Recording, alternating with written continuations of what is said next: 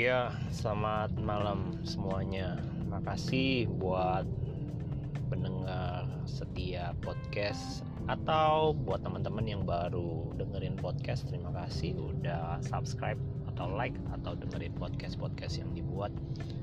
Uh, saya berharap podcast yang dibuat ini bisa menjadi berkat buat setiap kita. Kita boleh belajar sama-sama, bukan bermaksud untuk menggurui tetapi lebih sekedar untuk sharing. So, malam hari ini kita bicara sebuah topik in about family. Kita lanjutin tentang building family part 2. Ya. Seperti yang sudah-sudah di episode sebelumnya saya membahas bahwa building a family is not easy. Ya. Membangun sebuah rumah tangga itu atau keluarga itu tidaklah mudah. Ya lebih mudah membangun tangga rumah dibandingkan membangun rumah tangga. Kenapa dikatakan sulit? Salah satunya saya eh, sudah bahas di episode sebelumnya bahwa tidak ada pelajaran, tidak ada sebuah kursus, tidak ada sebuah sekolah. Sekolah keluarga itu dimulai pada saat saudara memulai sebuah keluarga itu sendiri. Dan kebanyakan daripada kita, kita semua belajar dari apa yang kita lihat, apa yang kita dengar, apa yang kita pelajari lewat orang-orang sekeliling kita. Nah, hari ini kita berbicara sebuah hal yang lebih dalam lagi tentang membangun sebuah keluarga, yaitu tentang um, menyelesaikan sebuah konflik dan pattern, ya. Jadi uh, sering kali kita di dalam sebuah keluarga uh, kita tidak bisa menampik ya bahwa setiap uh, kita itu tidak uh, selamanya namanya mulus gitu ya dalam menjalin komunikasi, dalam menyatakan pendapat, dalam menyatakan sebuah uh, pemikiran. Terkadang saudara sadar atau tidak sadar kita banyak terlibat di dalam sebuah yang namanya ketidaksamaan ya ketidaksamaan pendapat, ketidaksamaan persepsi, ketidaksamaan di dalam segala hal yang yang menyebabkan akhirnya terjadinya sebuah konflik. Konflik pun bisa banyak variasinya bisa kecil, bisa sedang, bisa juga besar. Nah, tergantung dari mana bagaimana kita memanage sebuah konflik itu sendiri. Nah, um, kita membahas tentang build family ini tentang lebih mengarah kepada uh, konflik dan penyelesaiannya ya. Jadi um, kalau kita melihat sekali lagi bahwa konflik itu sebuah hal yang yang yang lumrah, sebuah hal yang umum terjadi ya kenapa? Karena kita semua diciptakan dengan sebuah pola pemikiran yang berbeda-beda. Satu dengan yang lainnya ya latar belakangnya. Mungkin juga kita walaupun sama-sama satu suku ya eh, kita menemukan bahwa sering kali ada pemahaman-pemahaman yang berbeda. Cara kita dibesarkannya pun kita berbeda. Cara pandang kita melihat sebuah masalah pun berbeda-beda. Nah itu makanya menyebabkan bahwa um, tidak jarang terjadi sebuah konflik yang terjadi di dalam uh, keluarga ya pasangan muda terutama ya. Mereka menemukan kok begini sih rumah tangga? Nggak seindah dan nggak sesimpel yang mereka bayangkan ya. So anyway saya mau membahas sedikit tentang konflik di dalam rumah tangga dan pasangan muda terutama. Um, saya menemukan dalam pengalaman saya dalam satu sampai tiga tahun pertama sering kali konflik itu um, banyak terjadi. Tetapi uh, kita banyak ada hal-hal tertentu bisa diatasi karena kenapa? Karena mungkin kita masih menganggap perkawinan pernikahan itu masih awal ya. Jadi segala sesuatu masih manis segala sesuatu masih ter terasa uh, sweet gitu ya. Jadi um, sepertinya eh, tahun-tahun uh, di mana masih ada madu ya kita masih bisa menemukan sebuah sukacita di sana. Tapi seiring dengan waktu seiring dengan perkembangan uh, uh, waktu lamanya waktu Terkadang konflik-konflik seperti ini yang tidak terselesaikan, yang mungkin kerap kali menghantui atau menghampiri pasangan muda atau pasangan-pasangan beberapa pasangan keluarga lainnya, sering kali membuat uh, tidak jarang membuat jenuh ya. Kadang kita merasa jenuh nih, kok begini-begini mulu gitu ya, tidak ada uh, way out, tidak ada perubahan, tidak ada sebuah improvement nah, di dalam hubungan. Nah, tidak tidak jarang konflik yang berkepanjangan ini membuat dinginnya sebuah relationship. Nah, ini nanti uh, pembahasannya lebih dalam ya karena uh, relationship di dalam keluarga ini jauh lebih dalam ya karena ya banyak keterlibatan perasaan, emotion of di sana. So, bagaimana kita menyelesaikan Eh, konflik-konflik. Kalau kita tahu bahwa konflik itu sebuah hal yang lumrah, sebuah hal yang umum terjadi di dalam keluarga, mari kita belajar tentang how to solve conflicts gitu ya. Gimana caranya kita menyelesaikan konflik. Nah, satu prinsip dasarnya adalah kita meminimalisir konflik. Baik semua pasangan yang muda ataupun pasangan yang sudah eh, senior, yang sudah lama menikah Kebanyakan daripada pasangan-pasangan yang harmonis adalah pasangan bukan pasangan-pasangan yang tidak memiliki konflik, tetapi mereka bisa meminimalisir konflik. Ya, konflik itu akan selalu ada selama kita memiliki cara pandang atau cara berpikir yang berbeda. Tetapi ketika saudara memiliki cara pandang yang sama, atau saudara memiliki sebuah toleransi ya, level of tolerance untuk menerima pasangan saudara punya pendapat, pasangan saudara punya taste ya saya pikir bahwa segala sesuatu yang namanya konflik itu bisa diminimalisir, uh, bisa diredam, bisa diperkecil. Ya, prinsip dasarnya sederhana seperti apa yang orang tua saya selalu katakan bahwa masalah besar dibuat kecil, masalah kecil kalau bisa ditiadakan. Ya, ada hal-hal tertentu ya kita tahu bahwa tidak ada seorang pun di muka dunia ini yang sempurna ya. Kita tidak bisa berkata bahwa kita ingin menjadikan pasangan kita yang sempurna ya. Padahal di awal-awal kita merasa bahwa dia sempurna gitu. Tapi itu terjadi pada saat bulan madu atau awal-awal pernikahan kadang-kadang kita masih bisa menutupi. Tetapi ketika saudara makin lama makin e, menikah makin lama saudara makin tahu sifat aslinya saudara makin tahu dalam-dalamnya saudara makin tahu segala sesuatu yang buruk yang tidak pernah dia tonjolkan pada masa dia pacaran dengan saudara maka saudara akan menjadi tawar hati dan kecewa.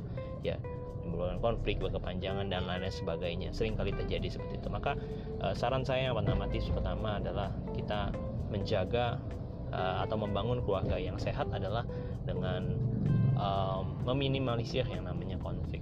Ya konflik itu akan selalu ada dan kadang-kadang konflik itu dibutuhkan karena konflik itu ada dua kategori, ada konflik yang sehat yang membangun, tapi ada konflik juga yang menghancurkan. Nah, yang saya mau katakan di sini adalah konflik-konflik yang sifatnya menghancurkan, konflik-konflik yang sifatnya me, apa ya menghina atau menekan ya pasangan mengkerdilkan tidak mengorangkan gitu ya. Itu hal yang harus dihindari. Itu hal yang pertama. Yang kedua um, untuk membangun sebuah keluarga yang kokoh ya how to solve the conflicts. Jadi yang kedua adalah um, jangan bawa uh, pembenaran dari diri kita masing-masing tetapi berjalanlah di dalam koridor kebenaran firman. Nah banyak orang di dalam mengarungi rumah tangga tidak jarang mereka semua menggunakan konteks apa yang mereka percaya sebagai sebuah kebenaran. Iya kebenaran versi saya bahwa istri saya yang salah. Istri saya harusnya bisa masak. Istri saya harusnya ngerti kalau saya pulang kerja itu saya capek saya pengen dilayani dan lain-lain sebagainya. Sedangkan istri akan mempunyai versi kebenarannya sendiri. Dia berkata bahwa harusnya suami saya lebih memperhatikan saya. Jangan cuma bisa cari uang cari uang cari uang tetapi tidak memperhatikan saya. Dia tidak pernah punya waktu buat saya. Dia tidak pernah uh, holiday atau memperhatikan saya dan lain sebagainya. Nah itu ada sebuah contoh yang lazim kita ketemu ya. Sebuah hal-hal yang uh, secara tidak langsung saudara mungkin pernah mendengar curhatan-curhatan orang seperti itu. Nah, ini sebuah hal yang harus kita waspadai ya, karena itu bisa aja menghampiri setiap kita. Nah, tetapi saya mau mau mau mengajak setiap kita untuk belajar bahwa poin yang kedua adalah jangan membawa pembenaran versi masing-masing, tetapi berjalanlah di dalam koridor kebenaran standar kebenaran firman. Ya, artinya saudara bisa aja membuat sebuah kebenaran dalam tanda petik versimu tetapi buat saya jauh lebih penting ketika saudara berjalan di dalam rel kebenaran standar daripada firman Tuhan. Ya bahwa setiap istri-istri engkau harus tunduk dan menghormati suamimu. Itu adalah sebuah standar rel kebenaran ya yang alkitabiah yang tidak terbantahkan. Itu sebuah standar. Saudara tidak bisa mengadakan sebuah uh, pembenaran atas atas setiap apa yang menjadi alasan untuk kita tidak berjalan di dalam kebenaran. Seringkali konflik itu terjadi karena kenapa? Karena orang mempertahankan prinsip kebenarannya masing-masing. Ya menyalahkan pasangannya menyalahkan uh, anaknya menyalahkan keadaannya menyalahkan orang-orang di sekelilingnya. Ya yang penting orang lain yang salah bukan saya yang salah. Nah itu adalah kalau menurut saya bukan bukan bukan kebenaran Tuhan tetapi pembenaran atas setiap apa yang kau alami. Ya beda saudara-saudara antara kebenaran dengan pembenaran. Maka saya mau ajak buat setiap kita kalau kita mau membangun sebuah keluarga yang sehat keluarga yang kuat uh, bagaimana cara kita menyelesaikan sebuah konflik di dalam keluarga kita? Jangan pakai pembenaran tetapi pakailah kebenaran dengan standar firman tentunya. Ya jangan pakai standar kebenaran masing-masing dari kita kemudian juga pada buat para suami ya. Ya para ayah bahwa engkau mempunyai sebuah tugas sebuah tanggung jawab. Menurut standar kebenaran adalah kau harus mengasihi istrimu seperti yang kau mengasihi dirimu sendiri. Kan kita bisa menjadi orang yang egois selfish gitu ya. Tetapi saya mau katakan bahwa hubungan suami istri digambarkan di dalam Alkitab di dalam kitab Efesus Paulus ya surat kepada jemaat yang Efesus. Paulus sendiri menggambarkan bahwa hubungan Kristus dengan jemaatnya itu sama seperti hubungan suami dan istri. Artinya ini adalah sebuah rahasia hubungan keintiman saudara seperti layaknya suami dan istri. Eh, Kristus digambarkan sebagai kepala dan gereja digambarkan sebagai uh, istri ya tubuh nah kita tahu bahwa um, Kristus itu mengasihi jemaatnya. Artinya suami itu sebagai kepala harus mengasihi tubuhnya seperti dia mengasihi dirinya sendiri. Nah, banyak orang banyak orang menjadi uh, apa? Egois ya. Kadang-kadang tidak memperhatikan apa yang menjadi kebutuhan daripada pasangannya. Nah dari sini kita belajar bahwa untuk menyelesaikan sebuah konflik ternyata kita perlu membawa diri kita kepada kebenaran. Ya bukan hanya sekedar mendengarkan kebenaran firman tetapi saudara harus melakukan kebenaran firman itu sendiri. Dan saya percaya ketika saudara menjadi pelaku kebenaran firman Tuhan saudara menjadi orang yang paling berbahagia. Ya karena saudara membangun kehidupanmu di atas dasar batu karang yang kokoh. Haleluya ya itu how to solve the conflict yang pertama diulangin lagi bahwa how to solve the conflict yang pertama adalah ketika kita punya konflik jangan terlalu membesar-besarkan konflik. Ya kita minimalisir konflik. Ya manage the conflict. Ya, bahasa tepatnya manage the conflict. Ya sesuatu yang besar yang tidak perlu jadi masalah besar kita kecilkan. Yang kecil kok bisa ditiadakan yang kedua jangan membawa kebenaran. Jangan bawa kebenaran versi masing-masing alias pembenaran. Tetapi bawalah diri kita ya masuk di dalam kebenarannya Tuhan. Itu menurut saya dua hal. Ya kiranya boleh menjadi berkat buat kita semua. Ya sekali lagi saya tidak pernah mengatakan membangun sebuah keluarga atau rumah tangga itu hal yang gampang hal yang mudah. Karena yang sederhana itu cuman rumah makan. Ya ya benar rumah makan padang itu kan judulnya sederhana ya, tetapi kalau rumah tangga pada umumnya itu rumah tangga itu sulit rumah tangga itu complicated rumit ya karena itu rumit karena kita juga adalah manusia-manusia yang terbatas. Oleh karena itu, saya katakan bahwa kita perlu Tuhan, Tuhan yang tidak terbatas. Ketika saudara menambahkan faktor Tuhan ada di dalam keluarga rumah tanggamu, maka saya percaya tidak ada yang mustahil bagi orang percaya dan tidak ada yang tidak mungkin untuk Tuhan kerjakan di dalam rumah tanggamu.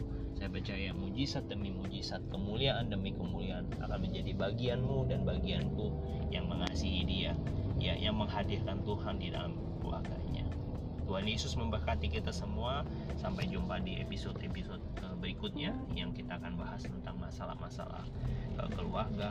Kalau ada kritik, saran, masukan untuk judul tema-tema yang akan dibahas di dalam next episode, uh, you can direct message me or you can mention me through my Twitter or IG at Fendi Syamsuddin atau buat teman-teman yang senang dengan YouTube channel saudara bisa juga subscribe di YouTube channel saya at Fendi Syamsuddin. Tetap sama ya. Um, saya pikir itu aja. Tuhan memberkati kita semua. And may God bless you and your Bye bye.